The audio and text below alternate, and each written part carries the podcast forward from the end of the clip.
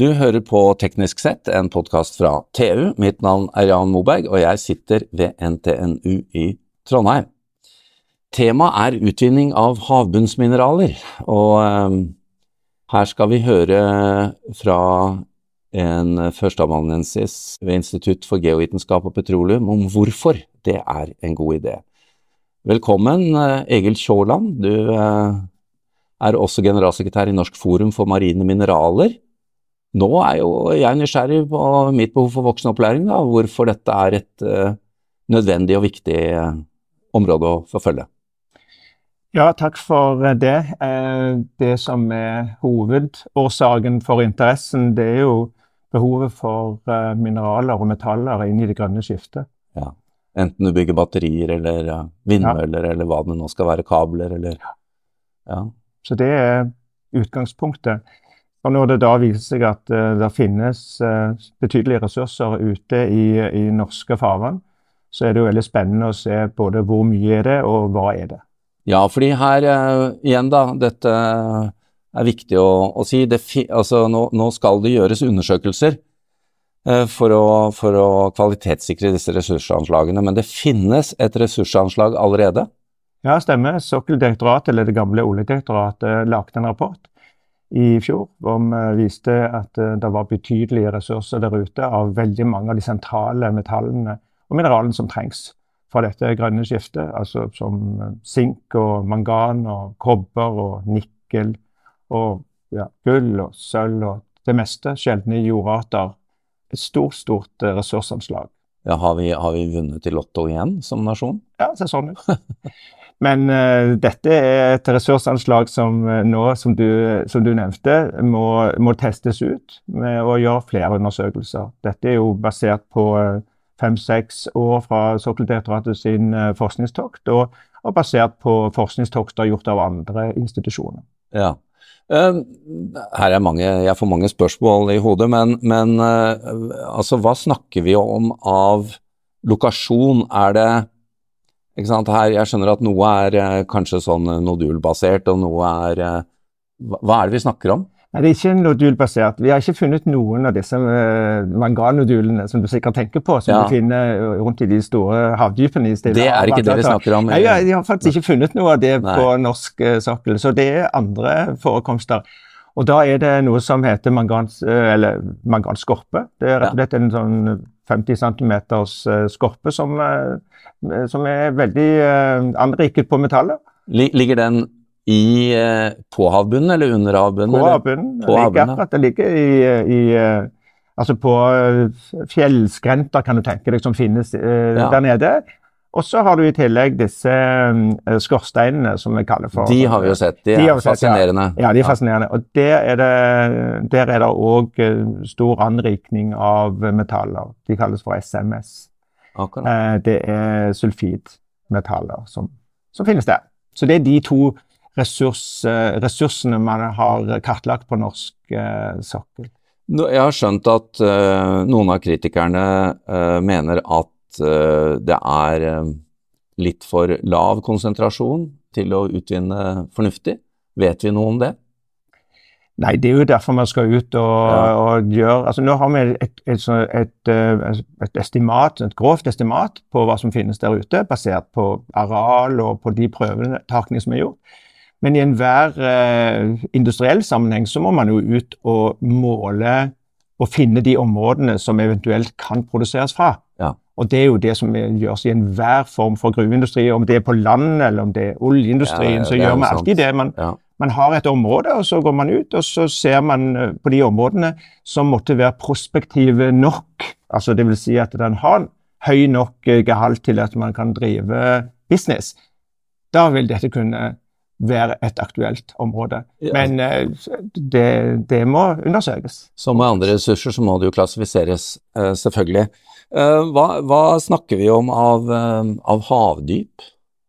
Ja, havdypet er ganske betydelig. Det ligger sånn på 1500 meter til 2000-2500. Ja. Det er ikke sånn superdypt, sånn som disse nodulene du snakker om. Det er på 5000-6000 meter ute i Stillehavet. Ja. men her snakker vi om eh, Men det, det, ganske dypt. Men ikke sånn grusomt dypt. Vi er jo vant med dette innenfor olje og gass. Nettopp. Og, og eh, du, du, har jo jobbet mye med olje- og gass- eller petroleumsindustrien. Og offshore, hva, hva er hovedfortrinnene eller fordelene vi kan ta med oss inn i en eventuell eh, havbunnsmineralutvinning fra dagens eh, petroleumsindustri? Ja, det, det, er et par ting. Det ene er at vi har den teknologiske kompetansen basert på all den erfaringen 50-60 år med oljeindustri i Norge, gjør at vi er veldig kompetente til å jobbe på, på store havdyp. Det er det ene. Eh, det andre er jo at uh, Norge har en veldig god track record på miljø. Sånn at uh, I oljeindustrien har du ikke lov til å gjøre mange utslippene av uh, uheldige stoffer Nei. før du blir straffet veldig veldig hardt. Og Norge har et veldig godt renommé. Det betyr at denne industrien vil selvfølgelig eh, dra veksler på det. Så at Du vil jo ta med deg den kompetansen og den erfaringen og det renommeet videre. Ja, og uh, betyr det at dagens operatører på sokkelen også er sannsynlige operatører av, av denne ressursutvinningen?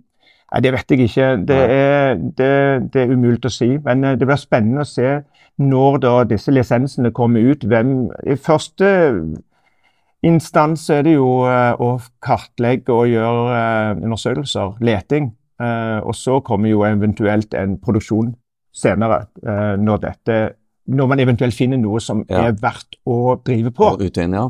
Mm. ja. Og at dette kan gjøres på en forsvarlig miljømessig måte. Det er jo det som er forutsetningen for at dette skal kunne gå ett skritt videre. Men dersom, dersom, man nå sier at yes, her finnes det drivverdige uh, ressurser, mm -hmm. hva, hva, ser du for deg av uh, sånn krystallkulekikking på hvor, hvor, lang tid vil man trenge for å, få, for å få opp teknologien som kan få dette på land og få det prosessert? Nei, jeg tror dette vil utvikle seg i parallell med leting nå. Jeg tror at uh, de selskapene som måtte være interessert i å gå inn på dette på en litt lengre fase, de driver på med den teknologiutviklingen nå. Ja. Men det viktige var jo det å få den politiske beslutningen som gjør at du kan faktisk satse penger og teknologi på dette. Ja. Så vi, har veldig, vi, har en veldig stor uh, oljeservicebransje uh, i Norge. Det har jo vært tidvis Norges nest største bransje.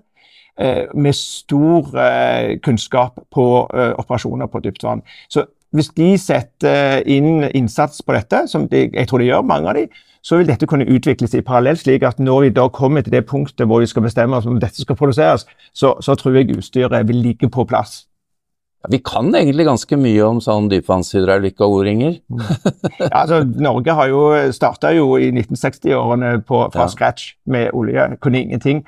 Og så går det 30 eh, år, så er vi verdensledende. Mm. Det, ja, sier, det, er, det, sier, litt om Norges eh, kompetanse på ingeniørbase. Det gjør det, og, og, eh, vi hører jo stadig, eller kanskje ikke så ofte nå, men vi hørte jo stadig om at det skal bygges ny industri på skuldrene av norsk olje- og gassindustri, og dette må jo være et strålende eksempel. Ja, dette er et på, veldig godt eksempel på det. Ja, mm. Helt enig.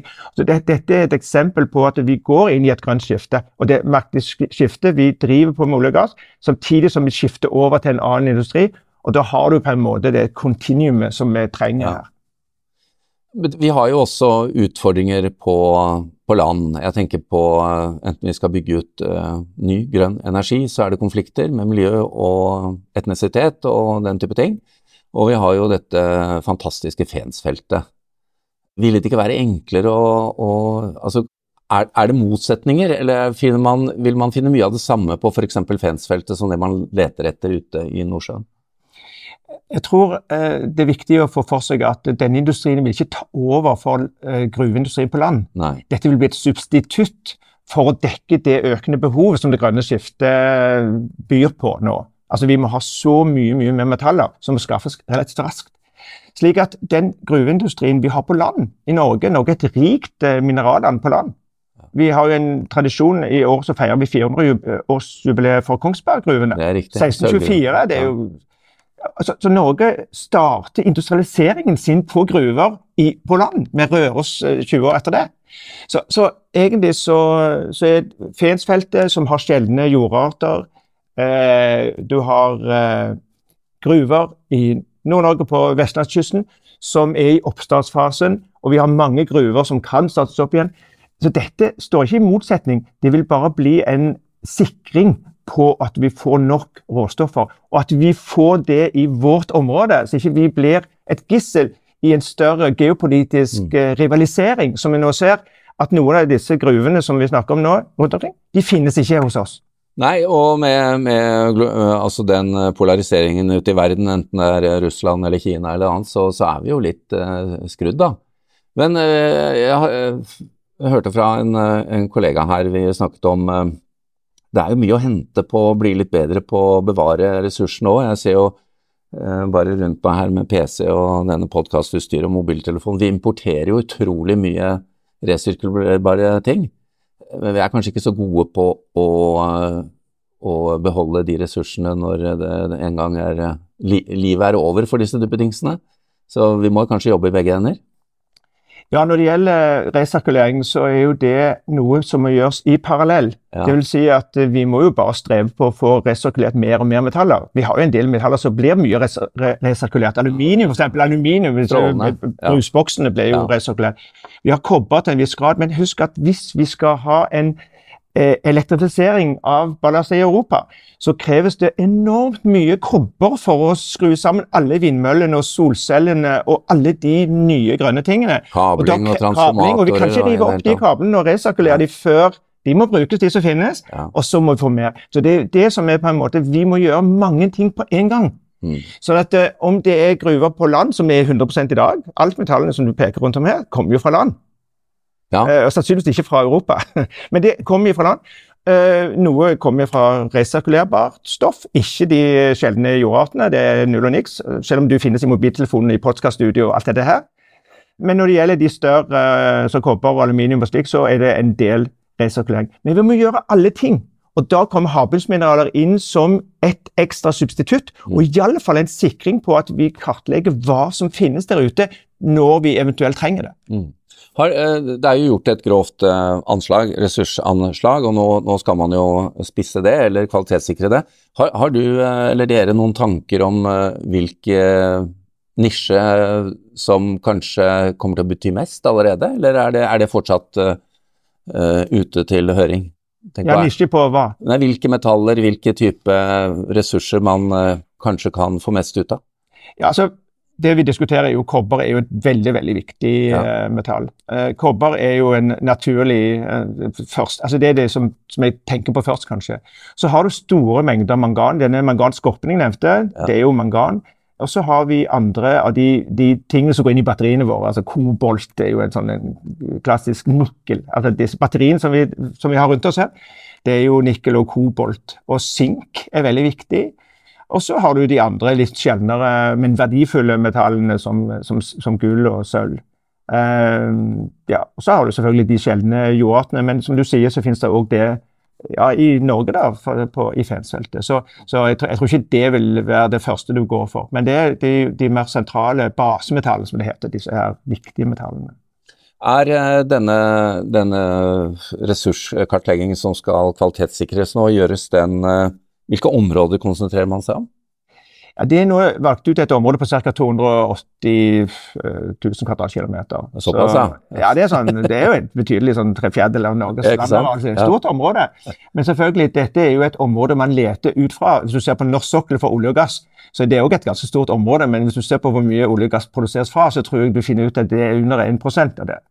Ja, jeg, jeg, gjorde et sånt eksperiment en gang hvor mange oljeekvivalenter som var altså volum, da nå er det noen år siden, men da kom jeg fram til at uh, det som var hentet opp fra, på norsk sokkel, var type en femtendedel av volumet til Mjøsa. Og når du da tenker at det er spredd utover hele sokkelen, så skjønte jeg at dette er litt som å finne nåla i høystakken, faktisk. Ja, ja som geofysiker kan jeg skrive under på det, at det, det er boret noen tusen brønner, og det er ikke alle de brønnene som har truffet. Nei. Det er det. Så det, i en letesammenheng, som vi nå snakker om havbunnsmineraler, så gjelder det å finne det stedet som er det mest egnede stedet eh, både miljømessig og eh, økonomisk. Ja. Og det er det som er det samme innenfor olje. Du må jo finne noe som du er drivverdig, ja. Ja. så, så, det er jo det som er spørsmålet. Så selv om du har en stor ressurs, et stort ressursanslag, så må du gjøre den jobben. Og det er det man skal gjøre nå. Ja, og da, da blir jeg veldig nysgjerrig, Egil, på hvordan gjør man den jobben med å, med å, å si, kvalitetssikre ressursene? Går man er, det, er det si, hva, Hvilke fartøyer bruker man? Bruker, bruker man seismikk, eller hva, hva, gjør man?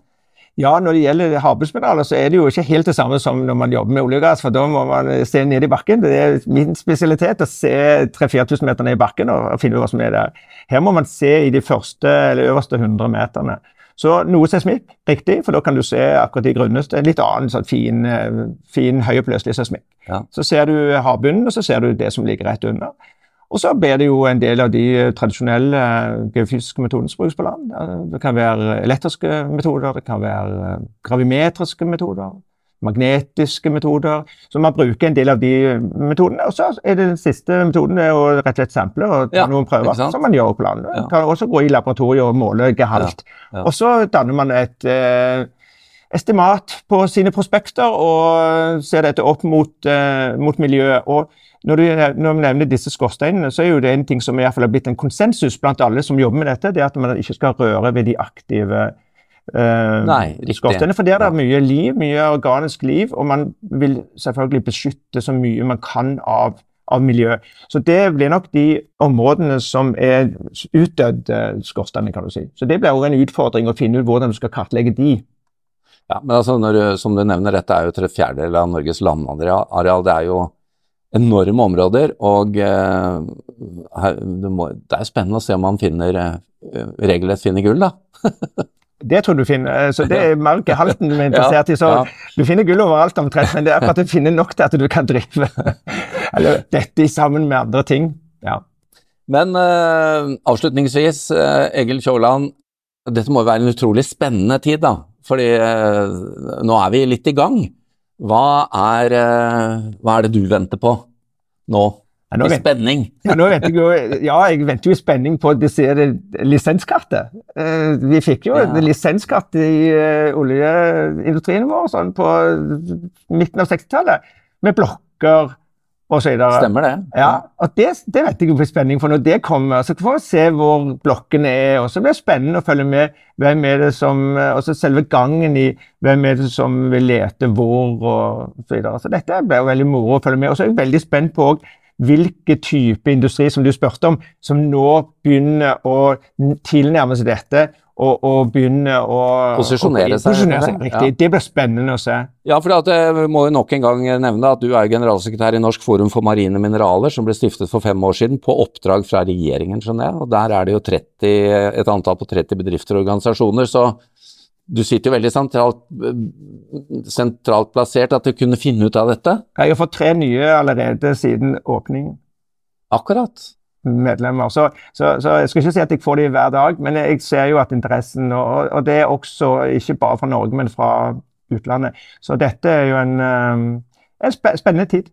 Ja, må jo også, eh, ikke sant, Norge har jo vært en fantastisk energinasjon med, med grønn energi, og nå, nå er jo det utsatt også. Det er jo mange som vil ha tak i strømmen, ikke bare metallindustrien.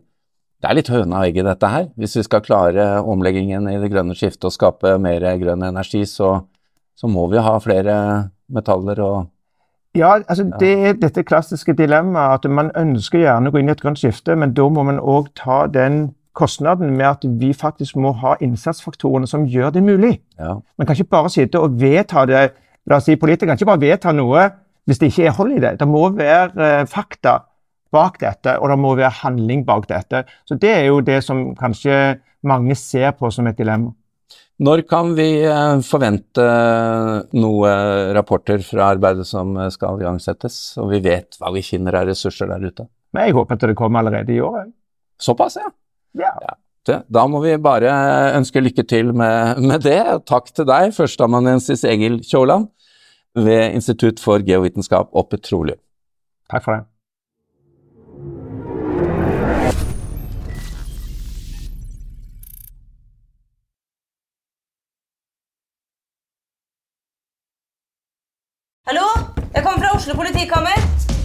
Ine Jansen er purk. Er du purk?